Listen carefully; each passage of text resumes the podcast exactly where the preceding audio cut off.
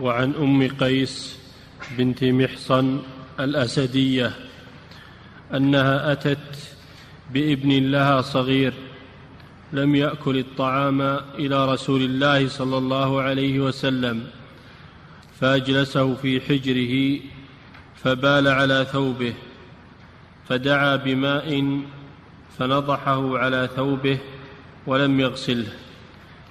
عن عائشة أم المؤمنين رضي الله عنها أن النبي صلى الله عليه وسلم أتي بصبي فبال على ثوبه فدعا بماء فأتبعه إياه ولمسلم فأتبعه بوله ولم يغسله.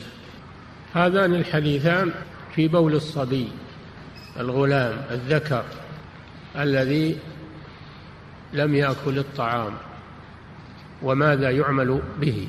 ففي حديث أم قيس بنت محصن وهي أخت عكاشة بن محصن رضي الله عنه أنها أتت النبي صلى الله عليه وسلم بابن لها. كان من عادتهم إذا ولد المولود أنهم يأتون به إلى النبي صلى الله عليه وسلم ليحنكه ويدعو له ويبرك عليه. كانت هذه عادتهم بالمواليد يأتون بهم إلى النبي صلى الله عليه وسلم. فمن جملتهم هذه المرأة. جاءت بابن لها صغير لا يأكل الطعام فوضعه النبي صلى الله عليه وسلم في حجره. هذا من شفقته صلى الله عليه وسلم وتواضعه فهو أفضل الخلق. ويضع الصبي في حجره عليه الصلاة والسلام. فيه تواضعه صلى الله عليه وسلم. فبال الغلام بال الغلام في حجر النبي صلى الله عليه وسلم.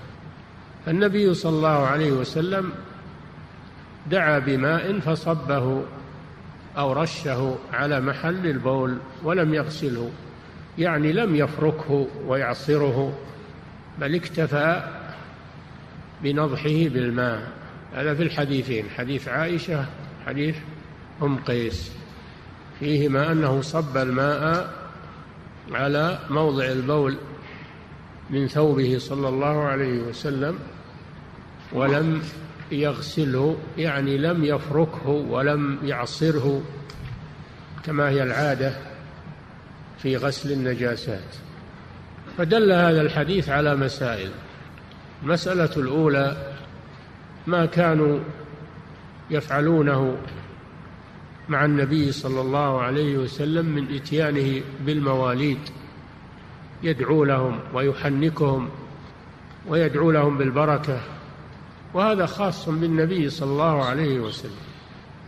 فلا يشرع مع غيره بأن يؤتى بالمواليد إلى العلماء أو إلى أهل الفضل. لأن الصحابة ما كانوا يفعلونه إلا مع النبي صلى الله عليه وسلم. وفيه التبرك تبرك بريقه صلى الله عليه وسلم لأنه يمضغ تمرة ثم يضعها في فم الطفل. هذا ما يسمى بالتحنيك. ففيه التبرك بريقه صلى الله عليه وسلم لأنه مبارك. عليه الصلاة والسلام. فيتبرك بآثاره المنفصلة من جسده عليه الصلاة والسلام من الريق والعرق والشعر والثياب التي يلبسها.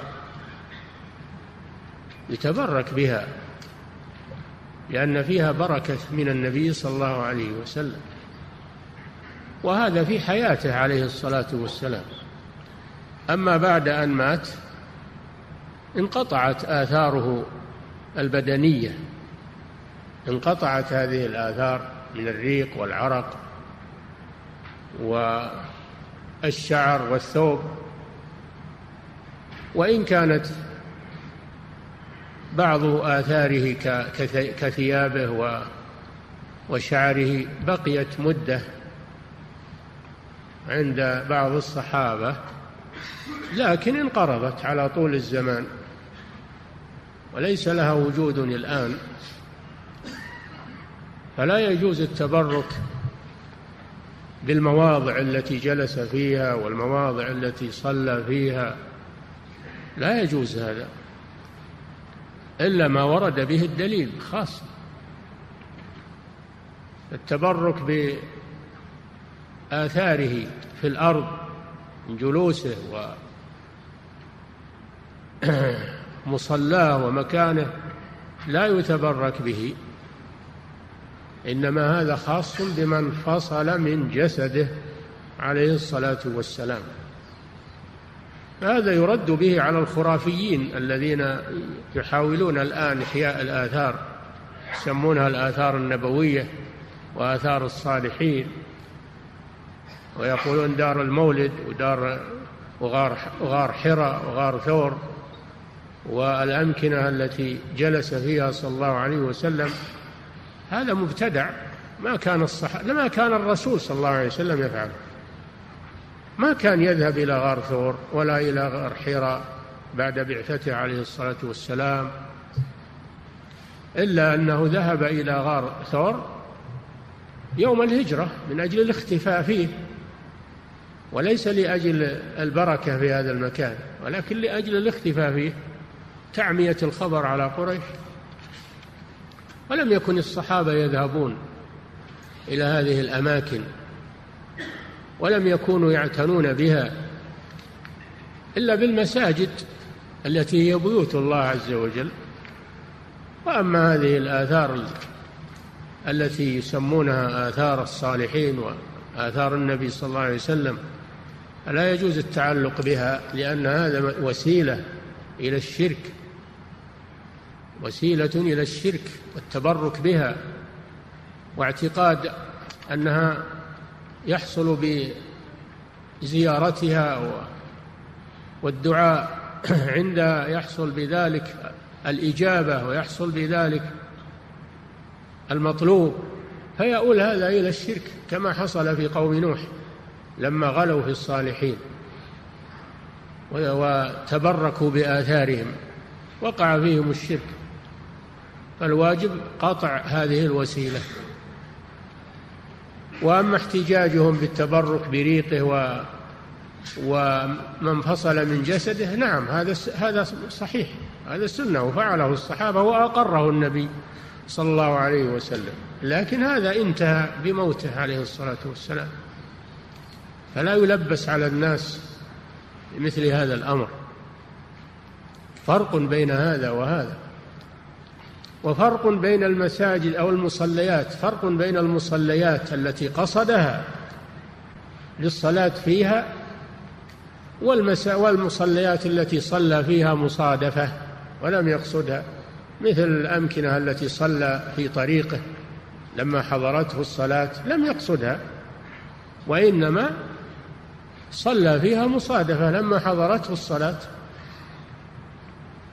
أما الأمكنة التي قصدها من أجل الصلاة فيها ومن أجل أن يصلى فيها من بعده كما حصل في بيت عتبان بن مالك وأم سليم هذه قصدها عليه الصلاة والسلام لأشخاص معينين لأشخاص معينين ولم تبقى بعد ذلك مزارات. ما كان الصحابة يروحون البيت أم سليم ولا يروحون البيت عتبان بن مالك وإنما هذا خاص بأصحاب هذه البيوت لأجل أن يصلوا فيها بعد النبي صلى الله عليه وسلم. فهو خاص بهم بدليل أن الصحابة ما كانوا يذهبون إلى هذه المصليات في بيت أم سليم أو بيت عتبان بن مالك ما أشبه ذلك. يوقف عند الدليل وعند النص ويقتدى بفعل الصحابة رضي الله عنهم لأنهم أعلم الأمة بما يشرع وما لا يشرع. نرجع إلى أصل المسألة وهو أن الصحابة كانوا يأتون إلى النبي صلى الله عليه وسلم يحنكهم ويدعو لهم بالبركة ومن ذلك هذا الغلام. بال في حجره صلى الله عليه وسلم. فأمر النبي صلى الله عليه وسلم بالماء وصبه عليه. هذا دليل على نجاسة البول. هذا دليل على نجاسة بول الآدمي. كبيرا كان أو صغيرا. وهو إجماع من العلماء أن بول الإنسان نجس. سواء كان صغيرا أو كبيرا ذكرا أو أنثى. ثالثا في الحديث دليل على أن على أن نجاسة بول الغلام الذي لا يأكل الطعام أنها نجاسة مخففة يكفي فيها النضح. مثل نجاسة المذي كما سبق نجاسة مخففة يكفي نضحها بالماء ولا تحتاج إلى غسل. وأما الجارية يعني الأنثى فإن بولها نجس مثل الكبيرة ولو كانت لا تأكل الطعام ولو كانت طفلة الجارية يعني الأنثى الصغيرة بولها نجس ولو لم تأكل الطعام. وفي الحديث الآخر يغسل من بول الجارية ويرش من بول الغلام. هذا خاص بالذكر. وقد اختلف العلماء في الحكمة في الفرق بين الذكر والأنثى. في كون الذكر يكفي نضح نضح بوله بالماء والأنثى لا بد من غسله كالكبيرة. ما الفرق بينهما؟ مع أن كل منهما صغير كل منهما لم يأكل الطعام. حكمة في هذا خفية والله أعلم. لكن منهم من يقول لأن الغلام يكثر حمله للشفقة عليه ومحبته ويحصل منه تبول فيسر الله على المسلمين في أن يكتفوا بنضح بوله دفعا للمشقة. تخفيف من باب التخفيف. لأن الشيء إذا كثر وشق على الناس فإنه ييسر. فلما كان الغلام له محبة في قلوب الناس ويكثرون من حمله خفف الله فيه في أنه ينضح من بوله فقط بشرط أن يكتفي باللبن ولا يأكل الطعام. فإن أكل الطعام فهو مثل الكبير. يغسل من بوله. لأن الأصل في البول النجاسة وأنه يغسل واستثني منه بول الغلام هذا الذي يرضع يرضع اللبن ولا يأكل الطعام. فيقتصر على موضع يقتصر على موضع الدليل لأنه استثناء من الأصل استثناء من الأصل تخصيص من الأصل. فيوقف عنده. وأما الأنثى قالوا لأنه ما الناس ما يميلون إليها ولا يشفقون عليها ولا يكثر حملها فبقيت على الأصل بقيت على الأصل أن بولها نجس نجاسة مغلظة وأن وأنه يغسل كغيره من الأبوال.